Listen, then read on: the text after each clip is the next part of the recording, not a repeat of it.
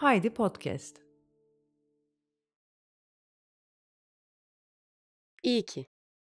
Öykü. Yazan Özden Selim Karadana. Herkesin bir sözü var. Kiminin vaatleri, kiminin öğütleri. Benim daha gidecek üç kilometre yolum var. Ayak tabanlarım ağrıyana kadar yürümek gibi bir huyum var. Yoldan geçen insanların yüzünde anlam ararım. Kiminde yorgunluk, kiminde boş vermişlik, kiminde ise sebebini bilmediğim bir gülümseme var. Gülümseyenlerin yanında muhakkak birileri var. Yalnızlık bir düşünce havuzu, ben bu havuzun gediklisi. Bu yolu ne zaman yürüsem geçmişe bakarım. Her bir anı baştan yaşarım. Arkadaşlarımla dışarı çıkmama izin vermeyen babam. İlk içkini benimle içeceksin diye diretince amma bozulmuştum. Taksimi altına üstüne getirmeden önce babamla bu kadar eğlenebileceğimin farkında bile değildim. Bir bar tuvaletinde sızdım. Zor açtırdı kapıyı babam. Bunu da yıllarca her yerde anlattı.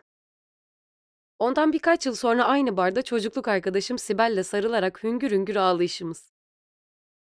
Aynı hafta terk edilen iki genç kız olarak sevgililerimizden intikam almaya yemin edip dışarı çıkmıştık. Onu da beceremedik. O gün asla tutmayacağımız ne yeminler ettik. Yeminler edip dans ettik. Küfürler ede ede. Eteğimi döndüre döndüre. O gün ilk defa erkeklerden nefret ettik. Sonra çok geçmedi barıştık. Nikah şahidim hep Sibel olacak sandım. O gün nikah memuru şahitlik ediyor musunuz diye sorduğunda dönüp soluma baktım. Bu kim? Ne ara girdi hayatıma? En acayibi de Sibel'i çağırmadığıma hiç de pişman olmadım. Sonra tek tek beğendi Facebook'ta düğün fotoğraflarımı. Belki de bu onun iletişim kurma yöntemiydi. İyi bir yöntem miydi bilmem. Ben hiçbir zaman olanla olmuşa çare bulamadım. Düğün fotoğraflarını yatağımın altına kaldırdım. Atmaya kıyamadım. Yatağımın altı en güzel günlerimin buruk kayıtları. Bu ne acele kızım kafayı mı yedin diyenlere çok güzel sevişiyordu beni kandırdı diyemedim. Sonrası evliliğe tövbe ettiren evcilik oyunu. Ben hep iki çocuğum olur sanmıştım. Annemin yaşım geçiyor kızımlarına kulağımı tıkadım. Uykusuz gecelerimde nasıl bir anne olurdumun cevabını aradım. Artık bir kocam olmadığı için kendimi, Tarık gibi bir babaları olmadığı için var olmayan çocuklarımı şanslı saydım. Evli arkadaşlarımla kendi hayatımı kıyasladım. Her gün kafamda artılarla eksileri topladım.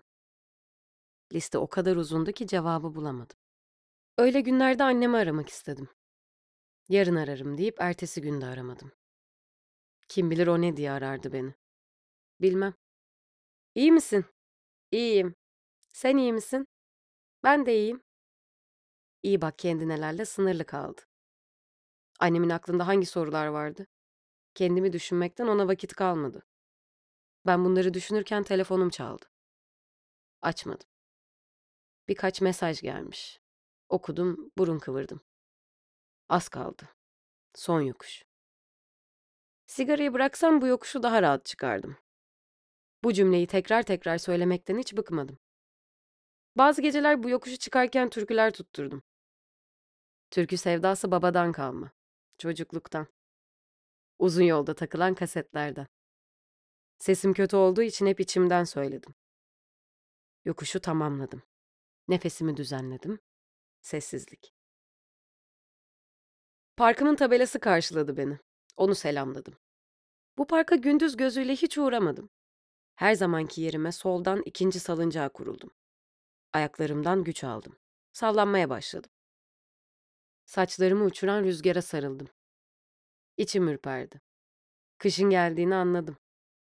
2 Kasım. Ayaklarımdan tekrar güç aldım. Hızlandım. Daha beter üşümeye başladım. Cebimden sigaramı çıkardım. Sona kalan sigaramı yaktım. Derin bir nefes aldım. Kafamı kaldırıp gökyüzüne üfledim. Yıldızlara teker teker isim taktım. Kıymetli olanları bir kümede topladım. Kutup yıldızına isim bulamadım. Zorlamadım. İyi ki doğdum. 40 yaşıma bastım. Kim bilir daha kaç yıl yaşarım. Sigaramın izmaritini parmağımla havaya fırlattım. Dilek tutmadım.